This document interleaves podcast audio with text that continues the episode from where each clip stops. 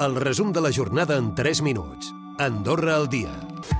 Els importadors de carburants defensen que són l'únic sector que és més econòmic ara que fa un any. En concret, han rebaixat els preus del combustible de locomoció un 20% i el de calefacció un 26%.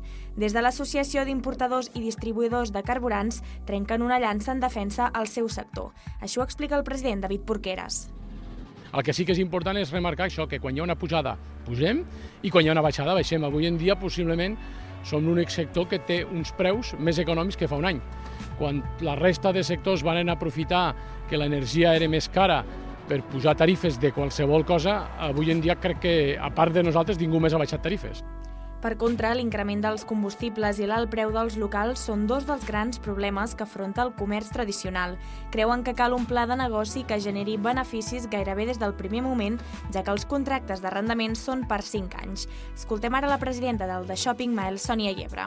És veritat que a Andorra estan pagant lloguers eh, alts a nivell comercial i això pues, és, és una problemàtica més afegida que tenim nosaltres a l'hora de poder d'alguna manera gestionar i optimitzar els nostres negocis i en els darrers 10 anys s'ha doblat el total de menors que han patit violència domèstica. Segons l'Observatori de la Infància d'UNICEF, l'any 2022, la policia va identificar-ne 30 casos.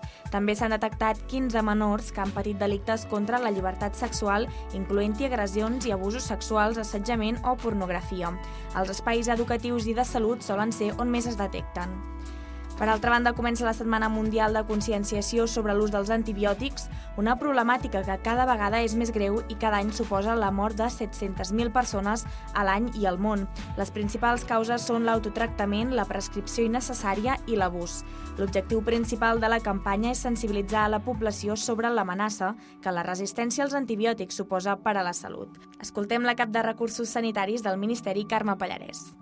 Estem actuant d'una manera transversal, amb una perspectiva One Health, perquè la resistència als antibiòtics doncs, és, afecta tant a la salut humana com a l'animal com a mediambiental i per tant s'ha doncs, de treballar tenint en compte aquest aspecte amb els col·legis professionals implicats, amb el Ministeri d'Agricultura, de Medi Ambient i amb l'hospital doncs, per fer un pla eh, per, per lluitar aquí a Andorra també contra, contra aquesta problemàtica. I després de quatre anys aturat torna al pessebre vivent d'Escaldes en Gordany amb un format renovat, audiovisual i més immersiu.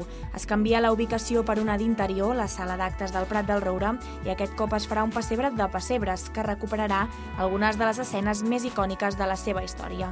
Això ho explica el conseller de Cultura del Comú, Valentí Closa i fem una, com una espècie de recopilatori eh, reconeixement al pessebre, a el que va significar i a el que té que seguir significant, tot concentrat amb l'apoyo de, de mitjans que, que amb exterior no es feien servir tant, com eh, audiovisuals, mitjans de tot tipus. Recupera el resum de la jornada cada dia a AndorraDifusió.d i a les plataformes de podcast.